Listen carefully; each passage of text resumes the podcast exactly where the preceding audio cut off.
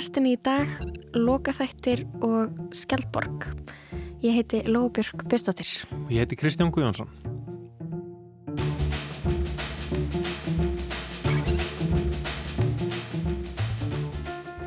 Já, í þættinum í dag erum við með hugan við sjómarp og kvikmyndir, heimildamindir og lokaþætti sjómarpsþáttarraða. Hann Kolbjörn Rastrik flyttur sinn setni pistil um heimildamöndaháttíðina Skjaldborg sem fór fram um kvítasunnuhelgina.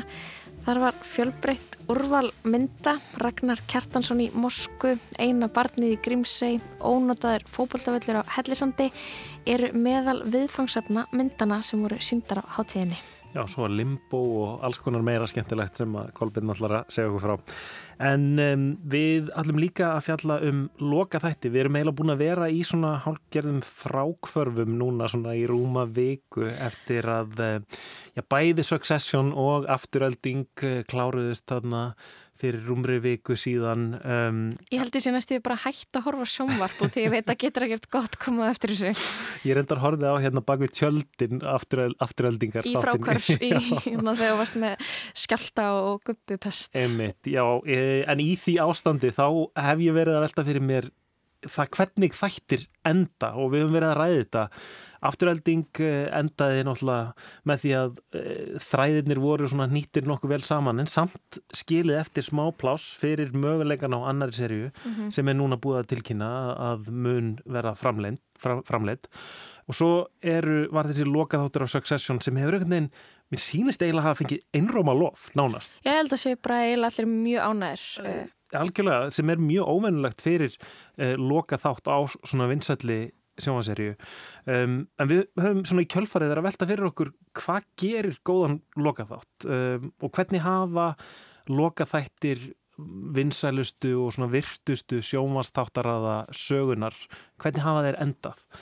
Mm -hmm. og það verður við, viðfangsefni í setniluta þáttarins. Um, við ætlum að fá til okkar tvo góða gesti. Það eru Davíð Már Stefánsson sem er hand, handristöfundur og svo ræðum við við Elsu Maríu Jakobsdóttur sem er leikstjóri um, leikstýrið meðal annars tveimur þáttum í þessari sériu afturöldingu. Við ætlum að spjalla við þau um það hvernig maður endar sjómarpserju en við ætlum að byrja á Skjaldborg.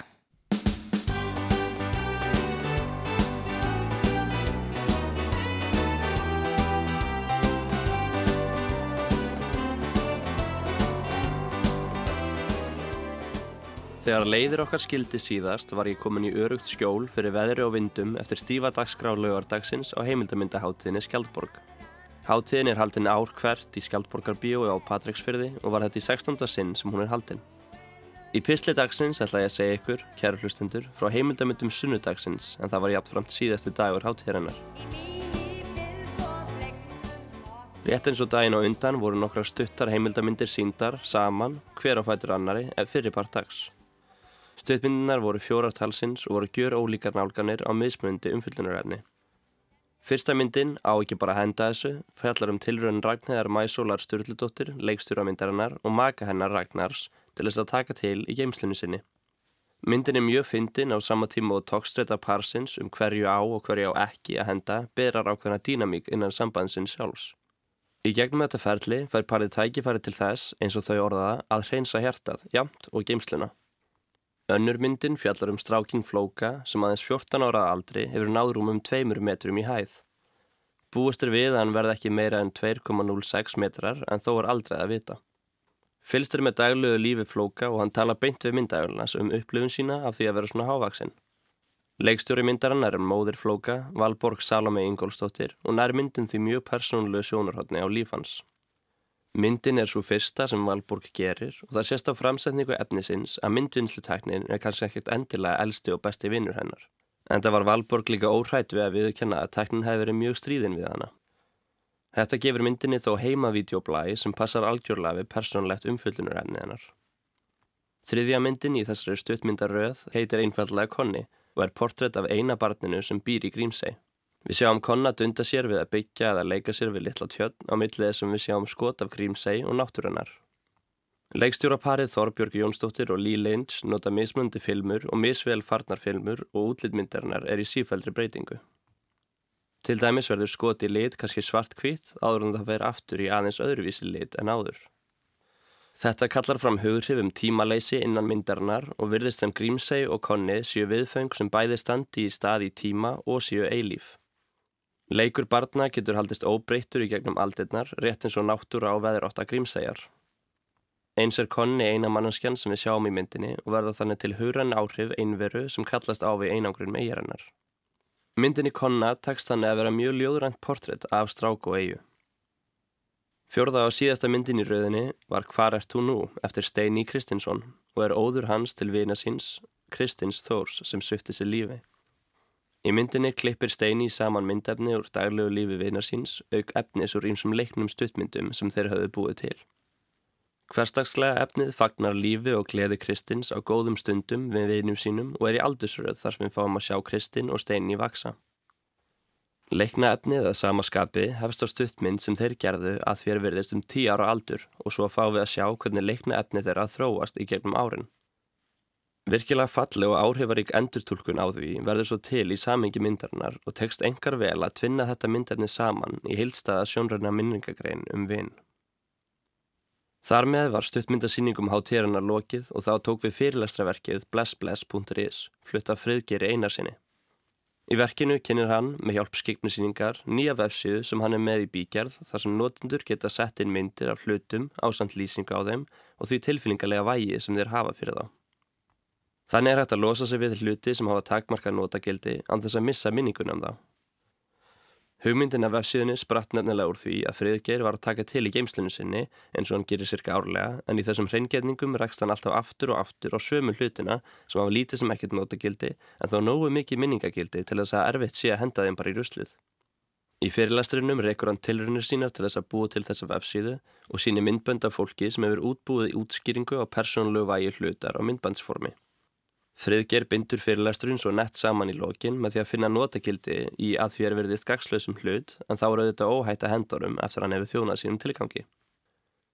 Friðger næra lokum í ruslatunnu og við mikil fagnaðalæti tekst hann um að henda þessum hlut sem hann er búin að rekast á í hverju einustu árlegur geimslur hreingerningu. Þessi gjörningur, skástryggu uppistand, var virkilega skemmtilegt uppbrott á þessari kveipundadagskrá og var komið mikil stemming í salin að fyrirlæstir loknum. Þá var komið að annari íslensku heimildumindir í fullir lengd af þremur á hátíðinni. Það er myndin Heimaleikurinn í leikstjóð Smára Gunnarssonar og Loga Sigursveinssonar. Myndin fjallar um Kára Viðarsson sem býr á Hellisandi og vonast til þess að výja fókbaltavöllin sem fadur hans bjóð til fyrir 25 árum en ekkert einasti leikur hefur verið spilar á honum í öll þessi ár. Kári fær þá léttgölnu hugmynd að skrá óvirt fókbaltafélag Hellisands reyni í mjölkurdeldar byggarmót KSI og vantar þá ekki nema eitt smáraði til þess að liði sig klart í slægin, leikmennina. Í fyrstu gengur hálf bröðsulega að sapna fólki í liðið en það hefur þá sérstöðu að vera bara skipað mjög ungum strákum og eldri mönnum sem ekki hafa snert fókbalta í ára tugi. Það setur nefnilega ákveð áfall eftir í fókbaltarsamfélagi bæjarins sem áttur sér stað í leik sem viðar, fadir Kára, spilaði með reyni þegar hann var á aldur við Kára. Þessu umtalaði leikur var gegn golfklúpi Grindavíkur og endaði í algjöru niðurlægingu með tíu marka sigri golfklúpsins gegn engu marki reynis. Markmið Kára er því bæðið að výja fókbaltavöllin sem fadur hans byggði og að fyrsti leikur leiðisins endi ekki í niðurlægingu eða allavega ekki kjörsanlegri niðurlægingu og í leiknum gegn golfklúpnum. Myndin er tekin á rúmlega ári frá fyrstu æfingu reynis til Örlaðaríks fyrsta leiksfélagsins á nýja 25 ára vellinum.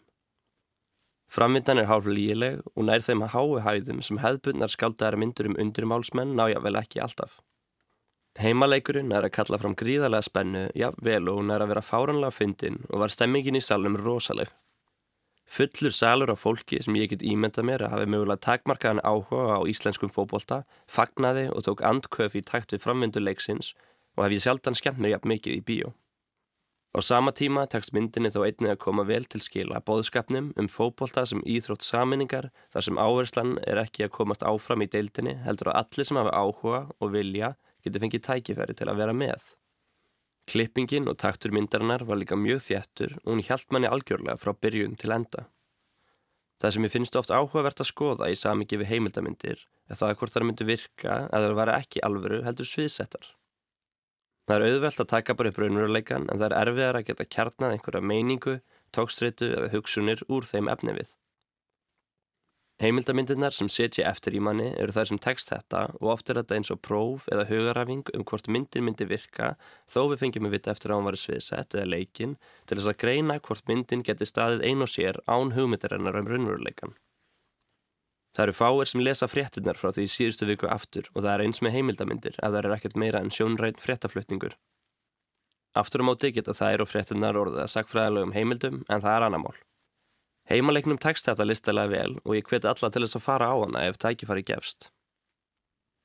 Síðasta myndin á hátíðinni og jáfnframt þriðja og síðasta íslenska heimildamyndin í fullri lengd, Sovjet Barbara, sínir einnig hvað heimildamyndagerð er frábröðin gerð skáldaðra kvikmynda. Myndin sem er leikstjótt Gaugs Úlvarssonar segir frá nýri síningu myndlistamannsins Ragnars Kjartanssonar sem settir upp í listasatni í Moskvu. Á síningunni er meðal annars levandi innsetning þar sem Ragnar fara leikara til þess að endurleika og taka upp í tímaröð alla þætti bandarísku sápuóperunar Santa Barbara. Uppröðanleg hugmynd með myndinni var að fylgjast með uppsetningunni á síningunni og á sama tíma skoða hvernig þessi sápuópera hafði áhrif á og mótaði þjóðarsálrúsa í þau miklu umbreytingum sem urðu þegar Sovjetrikin liðundi lok. Í staðin færist áherslan á Rúsland í dag þar sem Ragnar mætir pólitískum þrýstingi og rétskóðun. Algjör umbreyting verður svo framvindusögunar þegar innrás rúsa í Ukrænu hefst í februar 2022 en síningin hefði þá verið í gangi síðan í oktober 2021. Sovjet Barbara er mjög náið innlit í bæði feril Ragnars og pælingar hans um list sína í dag. Við fylgjum honum í gegnum nær allt ferlið frá því hann ákveður að setja síninguna upp og þar til hann ákveður að stoppa hann að sögum innrásarinnar. Það er virkilega áhugavert að fylgjast með bæði spennu og jákvæðinni Ragnars fyrir síningunni og evasendum hans um hana þegar hann þarf að kljást við stjórnvöld og rýtskoðunina. Það er einnig skemmtilegt að sjá listamannin í ljósi sem aðrar myndur um listamenn hefðu kannski veirað sér við að sína en það er þegar erlendir blaðmenn sjá síningunni í fyrsta sinn og byrja grillan með erfiðum spurningum um forréttindi hans og tilgang síningarinnar. Saman verður þetta þó að nánu og hreinskilnu portrétti af listamanninum Ragnari Kjartansinni. Þar með var kveikmyndasýningum á Skjaldborg formulega lokið. Úrvalið í ár var vægast sagt frábært og ekki einu snið það að ég hef ekki unni neitt í bingónu sem var haldið eftir síningu Sovjet Barbara gætt spilt ánæguminn af hátíðinni. Eftir á að higgja hefði ég samt kannski bara átt að gera eins og litlu krakkarnir í fremsturöð sem stríttu bingostjórunum og vorum vægðarlaust og fengu samt bæði vinning og gefins frisbídisk. Reyndar unnu krakkarnir með líka í limbónu sem var haldið á kvöldskemtunni þannig síðasta dag hátíðarinnar, svo kannski er bara best að játa sig sigraðan af æskunni. Eftir að hafa mætt á hátíðina Skjaldborg er vist að þetta byrja að kalla þessi Skjaldborgara og held ég þar með stoltur þeim tilli, en ég vona að ég geti mætt aftur á áriliðinu á þessa induslu hátíð.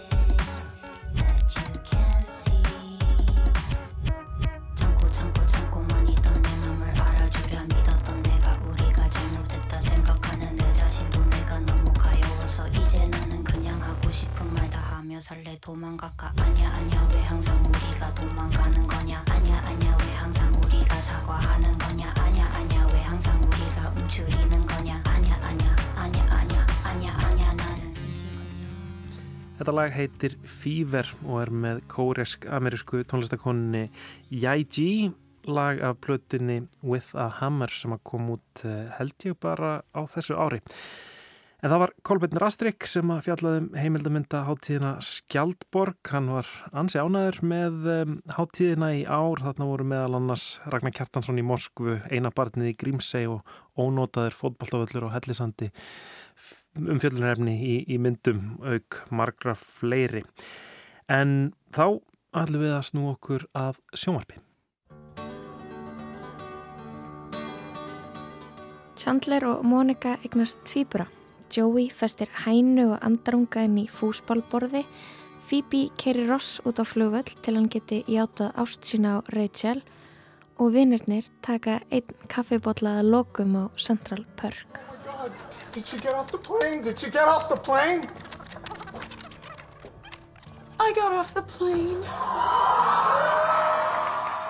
Angela Martin og Dwight Schrute gifta sig og fyrrum heimsins besti yfirmæður Michael Scott kemur óvænt í brúköpið til þess að verða svaramæður Dwight.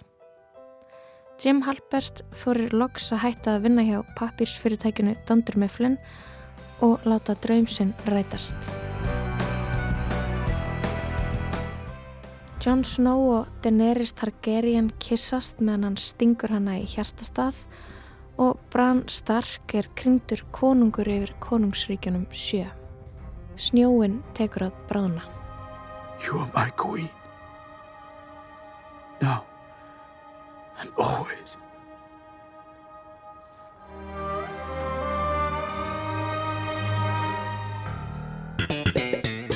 How about you? What are you in for? Grand Theft Auto. Grand Theft Auto. Don't steal any of my jokes. You suck. I'm gonna cut you. Hey, I don't come down to where you work and knock the license plate out of your hand. Jerry, Elaine, Kramer og George eru ákjærð fyrir glæp og fólk sem þau hafa átt í samskiptum við yfir árin byrja vittni um afleita framkomið af þeirra hálfu. Seinasta uppistand Jerry Seinfeld er flutt í fangelsi. Kvennalið afturhildingar sigrar bílfælt. The Wire, Sopranos, Breaking Bad, Succession og Six Feet Under, Mad Men og Cheers, Twin Peaks, Game of Thrones og Friends, Seinfeld og The Office og vaktaseríunar, Ófærð og Katla og Afturhalding. Þetta er allt sjónvarsþættir sem hafa endað eftirminnilega, eftirminnilega vel eða eftirminnilega illa. Það fyrir eftir í hvernig þú spyrð. Hvernig kviður maður uppáhalds þættina sína, uppáhalds personuna sínar? Hvað þarf að hafa í huga þegar loka þáttur sjónvarpseri er skrifaður? Sama hvað þá eru alltaf einhver ósátt, einhver sem skildi ekki endan en flest hafa skoðun. Við ætlum að ræða loka þætti við þau Elsu Marju Jakobsdóttur leikstjóra og Davíð Má Stefánsson handreitshöfund. Davíð Már hefur skrifað fyrir íslenskar sjónvarsdóttaræðir á borðið Köllu og Ófærð og vinnur nú að tveimur breskum serjum. Elsa Marja leikstýrið kvikmyndinni Villibráð sem kom út fyrir á árunu og sjötta og sjönda þætti af afturheldingu, handbólta dramatíinni sem lauk fyrir viku síðan.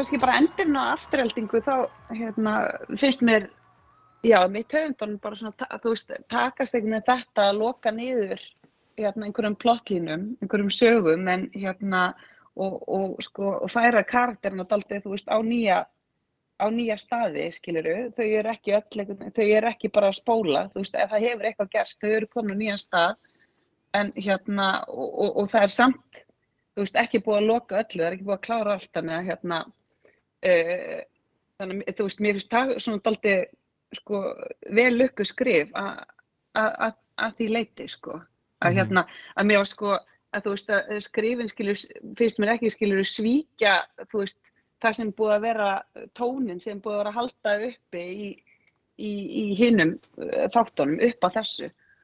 Bara sem að gerist alltaf ofta einhvern veginn. Allt um þarf eitthvað að fara að pakka, pakka, pakka öllu niður skilur Mhm. og missa tónin Já, þetta er, þetta er lokaþátturinn af afturöldingu sem að uh, var síndur þarna sunnudagskvöldi fyrir uh, rúmri viku. En, en hvað með hérna Succession sem að var með, já, lokaþátturinn var, var, var síndur hérna á Íslandi kvöldið eftir. Elsa, náðu þú að horfa á hann? heldur betur Held... ég er meira þess að skrolla aftur í gegnum loka þáttin núna eftir að þú skrifaði mér á hann og ég bara, ég er alltaf með gæsa þú sko Já, sko, Davíð hérna er Ég- ekki búin að horfa á hann. Nei, þetta er algjörð bras. Ég, hérna, mér líður eins og ég sé Palli var einn í heiminum. Ég held ég sé sá eini frá Íslandi sem hafi ekki séð þetta, sko. Við, hérna, við kærasta mín erum að býða eftir að fá að binsa þetta allt í einu, sko. En, en, en hvað kemur til að, e- ég meina, hefur þið tekist hinga til að ekki heyra hvernig allt fór? Ertu búin að ná að halda þig frá spoilerum? Já, hinga til. Uh, ótrúlega nokk, en það er svolítið bara þessi regla að þegar einhver nefnir Succession þá stingi ég bara puttunum í eirun og, og, hérna, og lalla mig Og hvað með netið? í gegnum það. Ég er í Succession blokki á netinu. Um, nei, en þetta er náttúrulega algjört cultural phenomenon, þetta Succession dæmi, sko. Og mann, eins og ég segi, mér líður bara hálf illa að vera að koma hingað og, og hafa ekki síðan lokað þáttum til þess að eðlægja fyrir ykkur allt spjallið, sko. En það er held ég allt í lagi. ég En- veit ekki hvernig það fara að þessu hvernig það að gera þetta sko, veist, það hvernig við neytum sjónvarstáta í dag eru þetta svolítið svona, við, sko, hér áður fyrir þá, þá var fólk að horfa alltaf sama tíma í línulegri dagskrá en núna er einhvern veginn allir á, á sínum hraða Eh, er þetta eitthvað sem að, þú veist, handriðshöfundar er að velta fyrir sér þegar þeir eru að skrifa þætti Já, 100% sko. Um, ég veit náttúrulega ekki mikið um, um kannski um aðra en allan um mig sjálf en þá, þá pælum við rosa mikið í því sko.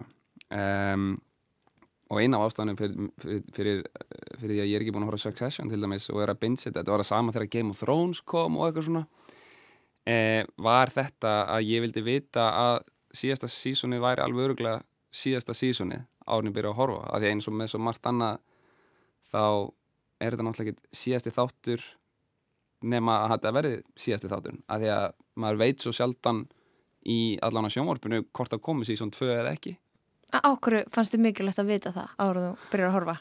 til þess að mynda mér ekki einhverja væntingar og, og til þess að verði ekki pyrraðir yfir því einhver kom ekki tilbaka eða einhver degi ekki eða einhver gera eitthvað svona skilur þetta er svo feikul bransi að uh, ég vildi óska þess að væri bara þannig að, að þeir sem gerði Succession eða þeir sem gerði eitthvað annað fengju að vita bara fyrirfram, herru, þú farið hérna 6-7 seasons og þú ætti að gera bara það sem þú vilt það var hinn fullkomni heimur að sem einhver getur sest niður og plotta bara fram og tilbaka. En þetta er svo mikið season til season og eiginlega áður um byrjan á einhverju season og það veistu og lítið um það hvort þú ert að fara að fá næsta season eða ekki.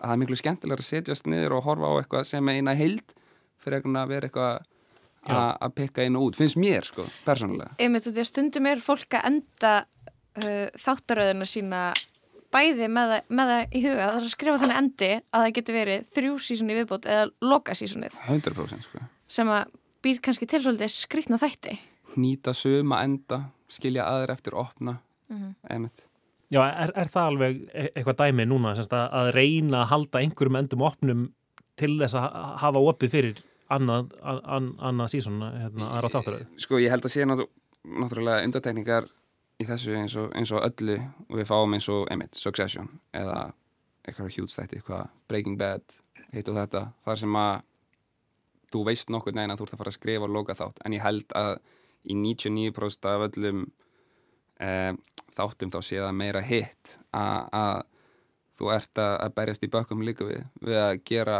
eitt sísón og vona síðan alveg geðið mikið eftir að koma sísón 2 og sísón 3 og sísón 4 og skrifa það svona loka þátt sem að hérna uh, lokar uh, ákveðnum hnútum og, og, og dyrum þannig að þetta sé pleasing og það sé karthasis og allt þetta. En, en að samaskapi skilji eftir einhver opportunities til að, að hérna, vera með framhald. Ég man það var alltaf skemmtilega að sagða með, með Walking Dead á sínu tíma, sáu þið það einhvern tímann?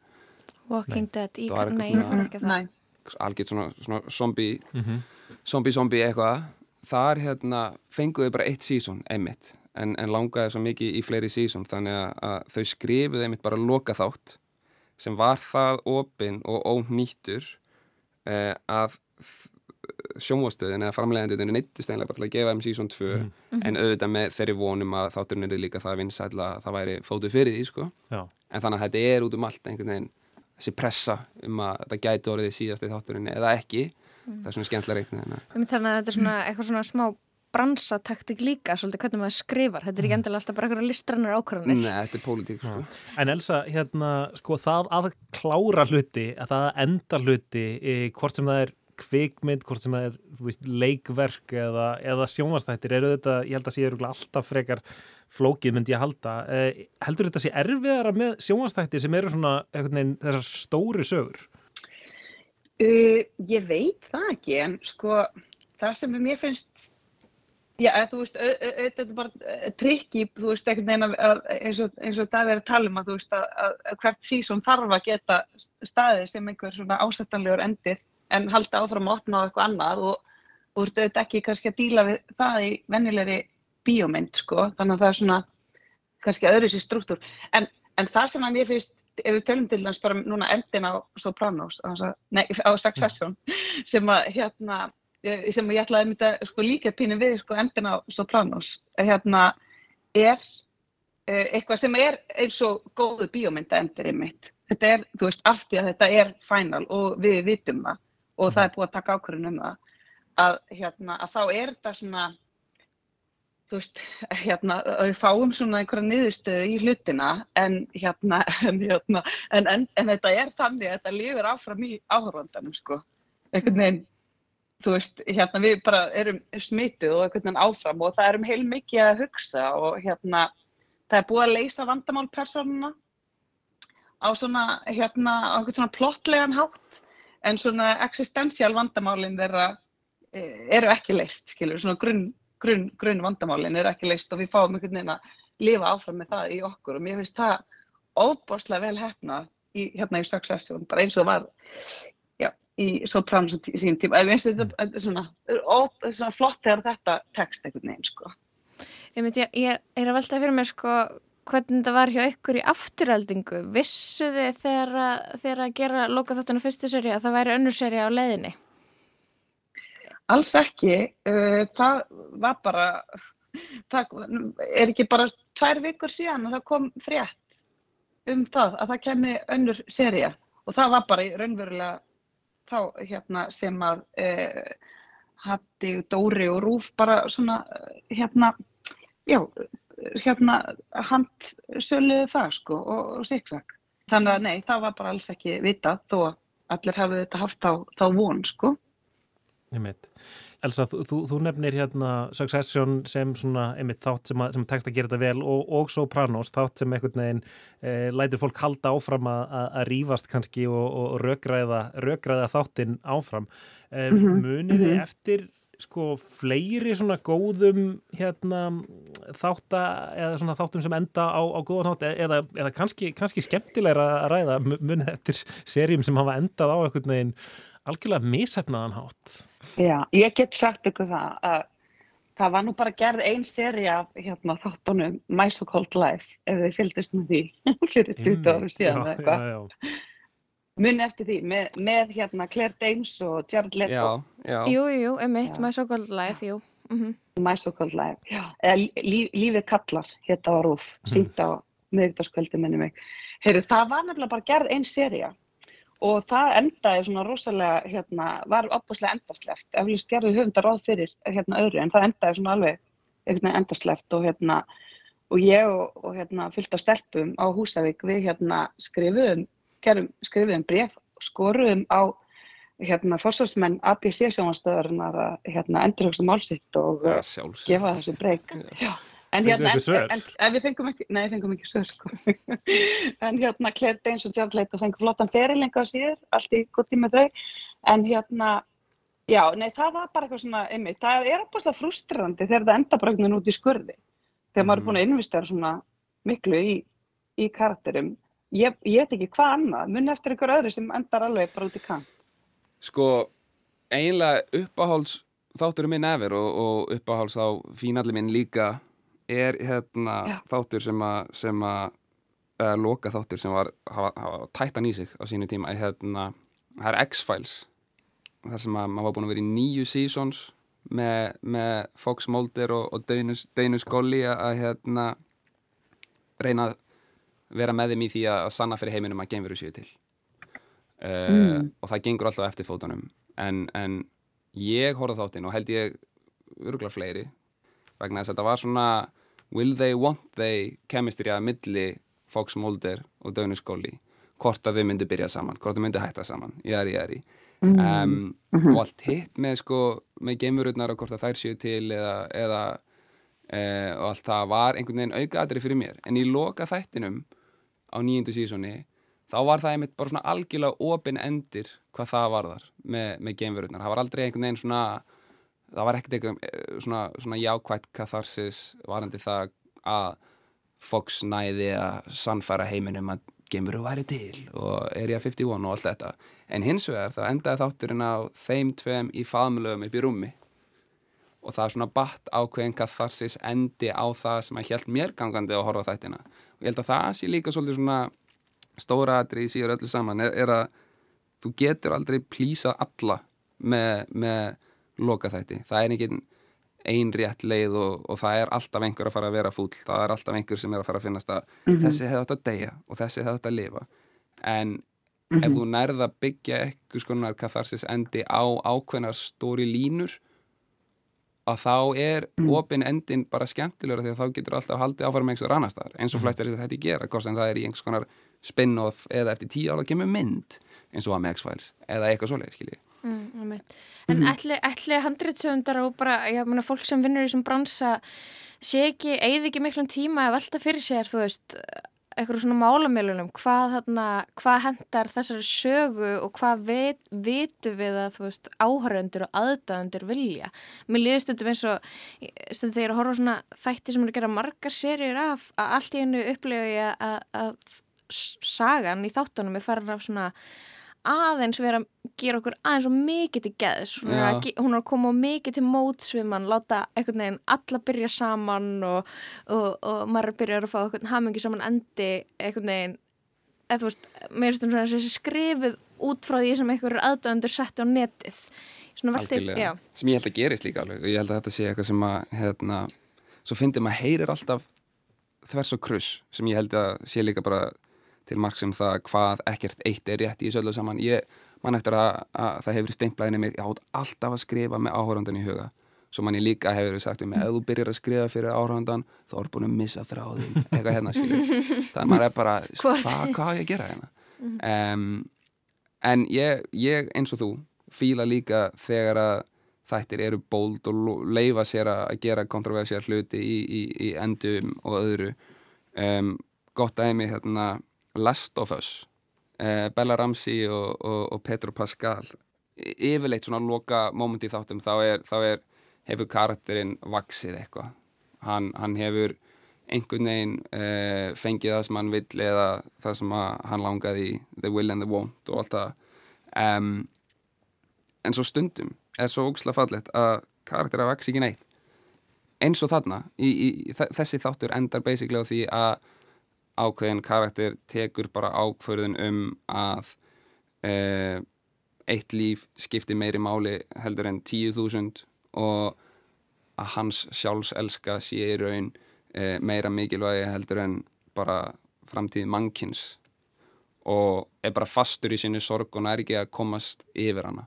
Og það er bara ógslag fallett og refreshing líka að sjá uh, einhver taka svoleiðis ákvörðin í enda vegna þess að það virðist vera einhvern veginn því dýrari sem að kvikmyndir og, og, og, og þættir er í framleiðslu því minna þóra kvikmyndagerðmennir að taka áættu þegar það kemur að einhverju svona. Það er svona svo gaman að sjá þátt sem er svona ógeðslega dýr í framleiðslu taka líka svona ógeðslega bold ákvörðin í lokin sem gæti verið ógeðslega off-putting en er at the end of the day bara ógeðslega refreshing og betri fyrir söguna. Já, 100% sko. Eru þetta, veist, hal- haldið að streymisveiturnar og svona það framleiðslu mótel, það sé að hafa áhrif á hvernig endar eru skrifaðir. Uh, þú veist að hérna, það er náttúrulega verið einhvern veginn að framlega svo rosalega mikið af efni uh, og einmitt verið að byrja bara á einni serju og, og, og svona sjá hvort að það sé næsta peningakú sko, hérna, haldið þetta hafi áhrif? Byrja á þér Elsa? Heldur að streymisveitunar hafi áhrif Sko það hlýtur bara að vera, af því það er náttúrulega verið líka að búa til eitthvað brand, skiluru, og hérna, uh, sem, já, og, og, og, og það, það hlýtur að hafa svona, já, einhver áhrif. Og ég takki fólk sem hefur verið að gera, þú serið hérna, þú veist, fyrir Netflix og það sem hefur verið, sko, bara mikið með puttana í, í efni, að hérna, Uh, þú veist bara að hérna, já núna er svona sci-fi, grounded sci-fi ekki heitt lengur þannig að takkið út allt sem er supernatural mm -hmm. í þessu og hérna og svona þannig að þá, já, hlýtur eflust að hafa áhrif á, já, hvernig kóttelarnir eru búin til og eflust hérna uh, end, endarnir, já, þú veist mm. og Ég held að það hafi alltaf Davíð, þú, þú, þú, Davíð, þú er sjálfur, þú veist, kannski þú er meiri beina reynslu að því heldur en ég Sko, já, ég held að ég held að þetta hafa alltaf áhrif því miður og ekki því miður, ég veit ekki uh, kemur í ljós mm -hmm. uh, en, en ég held sko að það er náttúrulega svo ótrúlega mikil peningapressa frá toppnum um að eitthvað sé mitt peningakú eða ekki og því miður er mm -hmm. það rosalega mikil bara grundvöldurinn í þessu öllu saman einhvern veginn eh, hvort sem mönnum mm -hmm. og, og, og fólki líka það betur eða verð sko eh, og þess vegna held ég að það geta oft verið skemmtilegra að vinna í, í öðrum formum en ég held að þetta hafi alltaf ég held að þú veist, það hvort þetta sé binge-seria eða hvort þetta sé í línulegri dagskar og droppi einu sinni í viku ég held að það hafi áhrif á skrif að einhverju leiti það hefur líka bara áhrif á, á editin sem koma, við höfum verið í seríum sem að hafa verið droppaðar í, í, í binge og þá er það editað svona og svo er það að fara einn og einn þarna og þá er það editað svona og eitthvað svona. Þannig að ég held að serían breytist líka bara eftir á í post um, en svo er svo ógíslega margt sem að spila inn í þetta heldur líka. Bara bara hérna, samningamál við leikara til dæmis. Ég held að mm. mjög mikið af svona bold decisions sem eru gerðir í þáttum þar sem að fólk er að klóra sér í kollinum eru einhvers konar skítamix vegna þess að leikari fengi betra bóð til að leiki í einhverju Hollywoodmynd eitthvað svo leiðis eh, og þetta er líka rosa mikil munur á þessu í Breitland og í Bandaríkjunum. Í, í Breitlandi er lenskan svo að gera bara eh, samninga við leikara eitt sísón í, í einu sem náttúrulega gefur ákveði hérna eða bara pros and cons með það varandi skrifin af því að þá getur maður ekki alltaf verið 100% vissum að já, er þessi kardir að fara að halda áfram með að gera það svona í hins einn og menna bandaríkjum held ég að séu fleiri stærri stærri samningar um, um fleiri hugsanleg sísón og þá að vera að binda hinn og þess en þetta kemur bara til vegna hvað heitir það, eins og WGA og allt þetta sem er núna mm. í, í stræki í bandaríkjum stjættafélum, já, stjættafélum leikara og, og handriðsöfund og annað sko. Mm -hmm sem við höldum náttúrulega með. Mm -hmm. Davíð, þú fyrir námi í, í handreitaskrifum út í, út í bandaríkjanum og ég er svona veltaði fyrir mig hvort að sé kent eh, sérstaklega að skrifa endi og þetta er einhvern veginn eiginlega flók, eða þú veist, verðist allavega svona frá mínum bæðir sé, vera kannski flóknasti hlutin við að gera listaverk bara hvernig, hvernig líkur því uh, þú veist, er einhver sérstaklega áfangi bara loka þáttur? Nefnilega ekki sko það er akkurat öfugt það er ákveðin áfengi í að skrifa pilot en okkur er aldrei kent að mm. nýta nútin sko. mm. um, sem er einmitt líka þetta bara þú veist að það er verið að leggja svo mikla áherslu að koma fæturum inn fyrir þröskuldin að einhvern veginn að einhvern taki eftir manni að, að, að það er lagt alveg bílu áherslu á uh, að skrifa einmitt góðan pilot, að gera biblíu sem að maður nota síðan til að selja hérna, þáttin áfram og, og, og jæri jæri en svo er það alveg smá svona tónleikatilfinninga, svo tekst það kannski. Þá setur maður eftir bara, shit, herri, ég þarf að gera restina þessu líka, veist, ég hef aldrei lært það sko. en, uh, en ekki verið að minn, eða svona, kenna manni að verjast eitthvað svona ákveðnar algengar grifjur eða, eða í svona loka þátt að skrifum í, sko, kannski ekki grifjur í, í loka þáttum, ég man ekki eftir að hafa tekið áfanga í, í, í finali, sko mm -hmm. uh, en bara svona almenna grifjur vissulega, sko mm -hmm. um, mm -hmm. en uh, Já, en þú Elsa?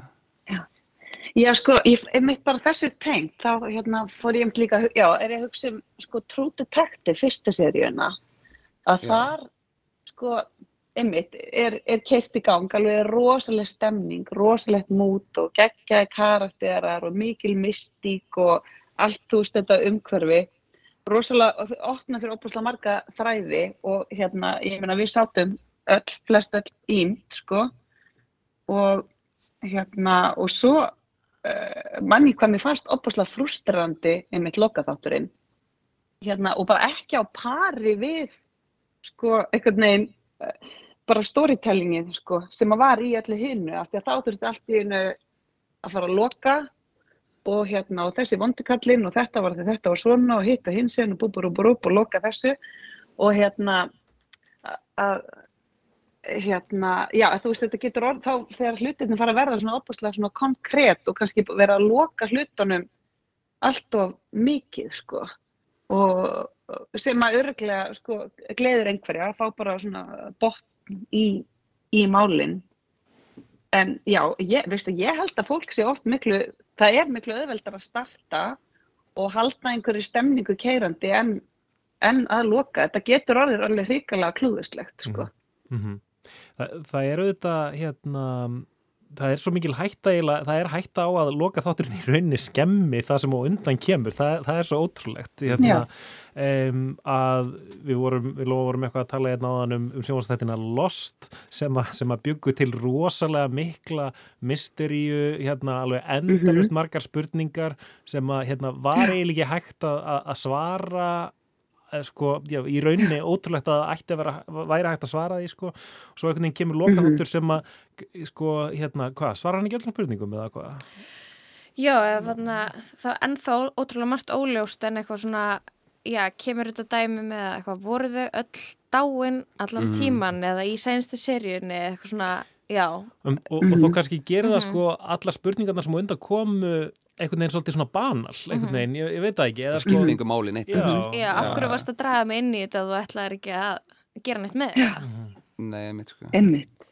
Og hérna, og, einmitt, og ég hef alveg mikið velt þessi fyrir mér, eins og til dæmis bara, hérna, sko, orginallin af, sko, villibráð, ítalska myndin, að hún er með, sko, hérna, sem heitir Perfect Strangers, hún er með, að mér finnst, uh, skelvilegan endi, þar sem að fólki gengur út á matabóðinu og, hérna, viti menn, þetta var bara draumur. Sem að hlýtur að vera bara vestu sort að, að hérna þau ganga út og bara, heyrðu, rosalega þetta klikkaði leikur sem að hana, hún var að stinga upp á, já, ég, eins gott, við fórum ekki hann og, og það er meira hvað fólki dettir í hug og svo bara hverjast allir og, og fara til síns heima, sko. En það, Þannig það, að er reyndar, hérna- það er einmitt annað svona dæmi reyndar því þú varst að tala um grifjur. Ég man það reyndar núna Já. að það eru nokkra svona grifjur sem að var alltaf að vera að hamra í okkur manni í, í, í, í Kolumbíu þegar það sem að hérna, þá var það aðalega tengt einhverju svona einhver svona Agatha Christie hérna, who done it væpi.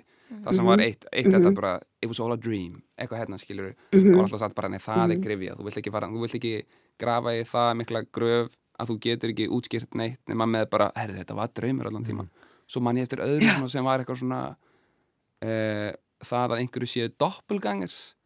Það má ekki Já. útskýra hvað er í gangi og, eitthvað svona, og það voru einhver nokkur svona Aha. hlutir sem að vera eitthvað svona, ok, þú mátt ekki enda eða veist, máttu ekki mátt, en fattur það er grifja enda í einhverju svo leið, Það er pyrrandi. antiklimaktik sko. Já, þetta er líka svona daldið trikki oft með sko hryllingsmyndir að það hérna, er oft svona einhvern veginn sami, sama conclusioni þar einhvern veginn að þú Mhm. veist að, að, það, að þú veist það er, það er kvöldið, það er þau voru all djöflar, það var allt einhvern veginn, einmitt, þú einmitt veist og þetta einhvern veginn það form, já það er svona það, já, akkurat, þetta er, þetta er stór hættulegt og Mm. erfitt að halda þessu fersku einmitt. Mm -hmm. En ég veldi fyrir mér líka hvort að sko endir með öll svörin þarna um, sé, ég meina hann á að einhvern veginn fullnægja okkur sem áhörundum en, en kannski að þetta sé svolítið svona svo sína skrimslið í, hryllingsmynd að þegar þú veist svarið þá fattar að þú vildir ekkert vita það og þið finnst Mm. eiginlega bara hálf óþægilegt að Mhm. vita það og þetta skrimsli sko. er ekki nógu vel tölvuteiknað og að þetta er bara einhvern veginn uh, irrelevant og já það að vera ekki með svör er líka bara miklu meira skeri yfir höfuð heldur en að vera með svör Mhm. það að sjá ekki Mhm, eitthvað mhm. er miklu meira skeri heldur en að sjá það en ég mani mitt Mhm. bæði, bæði í handritaskrifum og, og, og líka held ég bara í, í sögu gera almennt þá Mhm. ég maður það var einhver sem saði einhver, einhver mér vitrari að, hérna, að það auðvildast að í heimi þegar þú ert að skilja við einhvern heim þegar þú ert að skilja við karakter sögu er að drepa karakterna hérna af því að þá eitthvað svona er þú sem höfundur bara, já, nú er ég búin að gera það sem ég ætlaði að gera. Ég veit ekki alveg hvernig ég andi þetta þannig ég ætla bara að drepa þá. Um, af því að þá einhvern veginn þarf ég ekki alveg að pæla í því hvort sé líf eftir þetta sem ég er að gera. Og það er einmitt eitthvað sem að við vorum alltaf kött til að gera ekki að að drepa ekki karakteran okkar og skilja eftir lausa enda þannig að personundi geta lifað áfram í huga áhórandans og þau geta þau hugsað eftir tíu ár hm, hvar skildi uh, John Mhm. eða Mary vera. Mhm. í dag skilju sem var ekki hægt ef, ef, að- ef, að- ef að viðkomandi myndi drepa á en þetta er samt líka ákveðin skeri pæling að að leifa karakterunum sínum að lifa áfram. En svona, ég get komið með kannski ei- eitt svona, eitt dæmi sem er, uh, er nákvæmlega þetta, þar sem að, hérna, þar sem að uh, saga karakterina er, er spiluð til enda og það er lokaþátturinn á, á hérna, HBO þáttunum Six Feet Under. Já. Sem að, sem að var Mm. mjög eftirminnileg loka sena þar sem að hérna, þessi, þessi fjölskylda um, útfarar stjóra fjölskylda um, þar sem við í bara á síðustu mínundunum þá allt í hennu fer, fer í rauninni tíma, tíma uh, ásinn að hraðspólast og, og við fylgjumst með svona í, í stuttum myndbrotum hérna æfi allra persónuna þanga til þeir eru dánar, látnar þarna, veist, sko. kannski 50, kannski 100 árum setna, sko, Einmitt. alveg og endar með held ég bara einhverju litlu badni, sko, sem að sem að, sem að vex og, Mm. og dafnar og verður gamalt og, og deyr, sko og, þa og þá, það var mjög svona kannski svolítið svona óvæntur endir af því að kannski var verið- einmitt verið að gera það sem að má ekki. En fannst þér eins og, eins og það hefði verið að taka eitthvað frá þér þá? Eða gefa þér eitthvað með því að gefa þér þann endi? Fannst þér eins og það hefði verið að taka frá þér frelsi til að þú getur ímyndað eitthvað gerist eftir á? Eða fannst þér eins og einhver var að gera það greiða? Ég held, held að í þessu tilfelli þá fannst mér þetta svo einhvern veginn frumlegt og óvænt að Já. ég hafi verið mjög ánægð með þetta sko. en svo sem komið þó nokkuð mörg ár síðan ég, sá þættina sko. En já, Passa þeim að þáttana líka, klára þetta bara, grafa þau bara. Kannski var það hugmyndin. Algjörlega, það passar hann inn sko. En hérna, já, við höfum verið að tala svona um, um sjónvastætti og svo streymisveitunar og áhrif þeirra. Um, þar einhvern veginn fara þættinir oftar en ekki inn allir í einu, svona í einni hrúu og fólk getur hort á þá bara í, í, í hérna í beit. Um, það er aðeins önnur svona uh, sjónvarsupplifun heldur en að um, horfa í línuleg, línulegri dagskrá. Um, Davíð, mér langar að spyrja þig hérna, fyrir þig, hvernig hvernig er það fyrir handritsöfund svona, hver er munurinn þarna að fylgjast með viðbröðunum við þáttunum sem maður hefur skrifað og það er miklu skemmtilegra að að fylgjast með línulega droppinu sko. Já, Af því það að þá er einhvern veginn allir bara að live tweeta og gera þetta og þetta og það er einhvern veginn ógslag mikið buzz í gangi á meðan að hitt er bara smá eins og einhver hafi droppað maturinn fram að þig og, og svo eru allir að gorja sig bara to death og svo er allir bara Mhm. move on to the next one veginn Mhm, Það er eitthvað svona sem Já. við upplöfum saman Já. Mér mér finnst svolítið áhugavert að vera að skoða sko lista yfir mest áhorðu sjómar, loka þætti sjómarseri allra tíma og nýjasti þátturinn sem komst inn á hann lista frá árinu 2004 Einmitt. og með, ég er svona, ég velti fyrir mig hvort við erum, erum við öll í sig á hotninu að horfa á mismundi þætti á mismundi tíma sem við erum að bindsa svo var ég líka að reyna að rifja upp einhverja eftirminnilega loka þætti svona í aðdraðanda þess að við vorum að fara að spjalla um, um þá sko, ég var eitthvað áttum á því að þú veist, það er svo oft sem það eru, það eru gerðar eitthvað átta og maður átta serjur og maður dettur út í fjörðu og mann er eiginlega alveg sama hvernig hún endar Einmitt. og því að skrifin er orðin bara eru kannski orðin óspennandi skilur Mhm, og, og mhm. svo er bara, er maður búin að lesa grein um það hvernig serien endaði og þá er maður komið svarið Það- það sem maður var að svarið. leita að og, og þetta, eh, þetta hlýtur líka að hafa einhvern veginn áhrif skilur á handritsöfunda bara já, þarna spoilerarnir sem kom á netið ef þetta er, er binds sko um, upp á að fá nýja áhörendur og eitthvað, ég veit það ekki nei, einmitt sko en, einmitt, en svo flestar í þessi, þessu streymisveitu binge-drops eru núna líka bara læstar inn á einni streymisveitu Mhm. þannig að það er einhvern veginn það er meiri einhvern veginn gleði finnst mér oft í því að þetta sé að færast á milli sjónvástöða og, og, og hinga og þanga og þá getur fólk líka einmitt verið að spoila fyrir öðrum og eitthvað svona en þá er líka bara gaman að sjá reaksjonin hjá þeim sem er ókslega reyðir að því að var verið að spoila. Og veit maður allan, ok, shit, herri ég gerði eitthvað rétt aðna, já. En, Þetta skiptir máli. Heyrðu, En það er rosalega stef, stefnulust sumar framundan hjá manni núna þegar að succession er búið og já, maður er búin að klára afturheldingu og bara mánudagar hafa bara verið succession dagar og bara hlakka til alla vikuna, mikið rætt hérna á heimilinu og, og, vi, og við lesum greinar í kringum þetta og getum ekki beðið eftir næsta þætti og, og bara hérna æfa kvótinn og hérna Og við þurfum að finna okkur nýja þætti til að horfa á. Það er Já. nokkuð ljóst. Það er Já, allt búið. eitthvað til að lifa fyrir. Einmitt, og meðan við býðum eftir annari seríu af afturheldingu Já.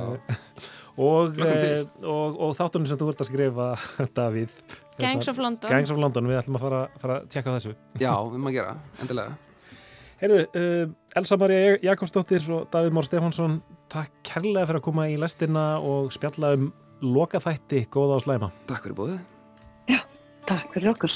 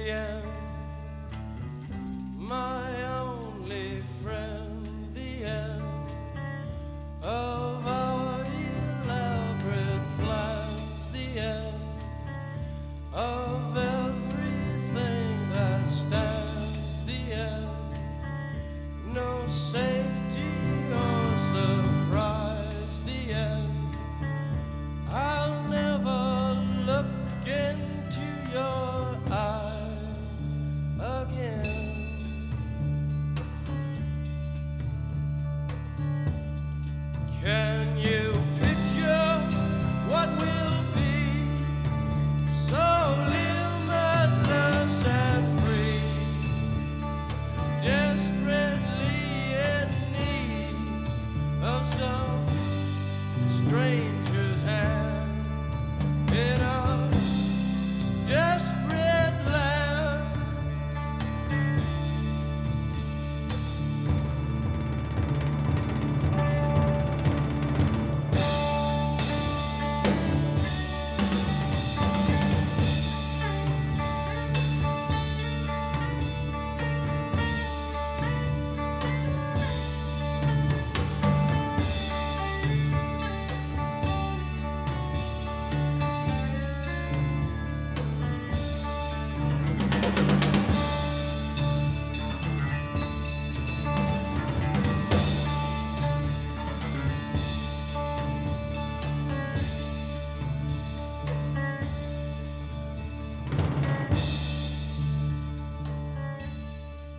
Hljómsveitin The Doors, lagið The End, endalógin frá 1967, frábært lag, við ætlum jafnvel að fá að enda lestina í dag á því. Já, lestin verður náttur á sama tíma á morgun við Kristján og Lóa þakkum fyrir samfélgina. Tæknumæður var Lítiða Greitastóttir. Verið sæl.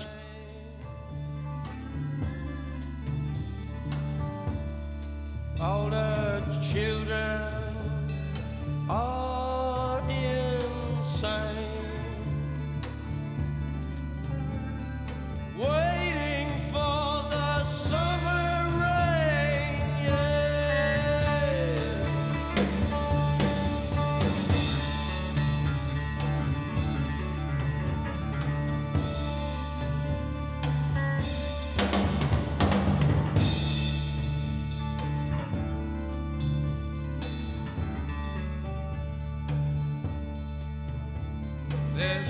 danger on the edge of town.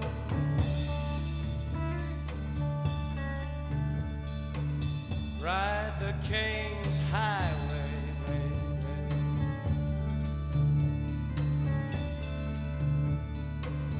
Weird scenes inside the gold mine.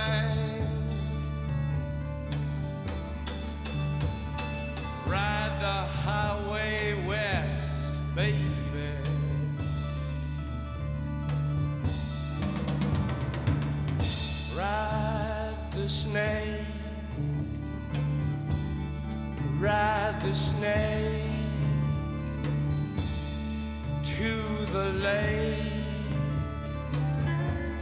the ancient lake, baby. The snake is long, seven miles. Ride the snake, he's old and his skin is cold.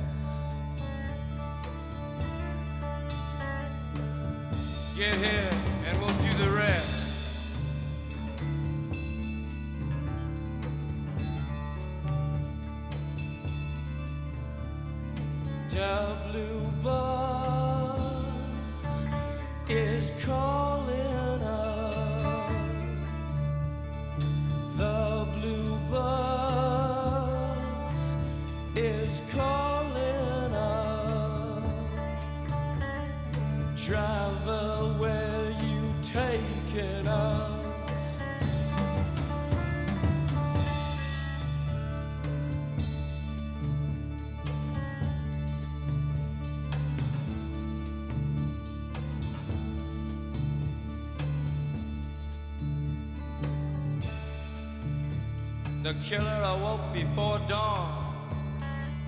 He put his boots on. He took a face from the ancient gallery and he walked on down the hall.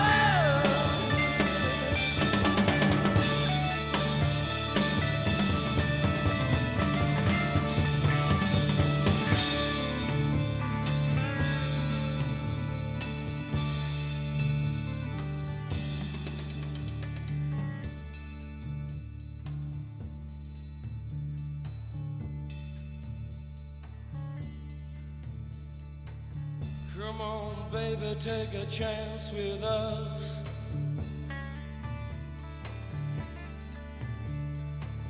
Come on, baby, take a chance with us.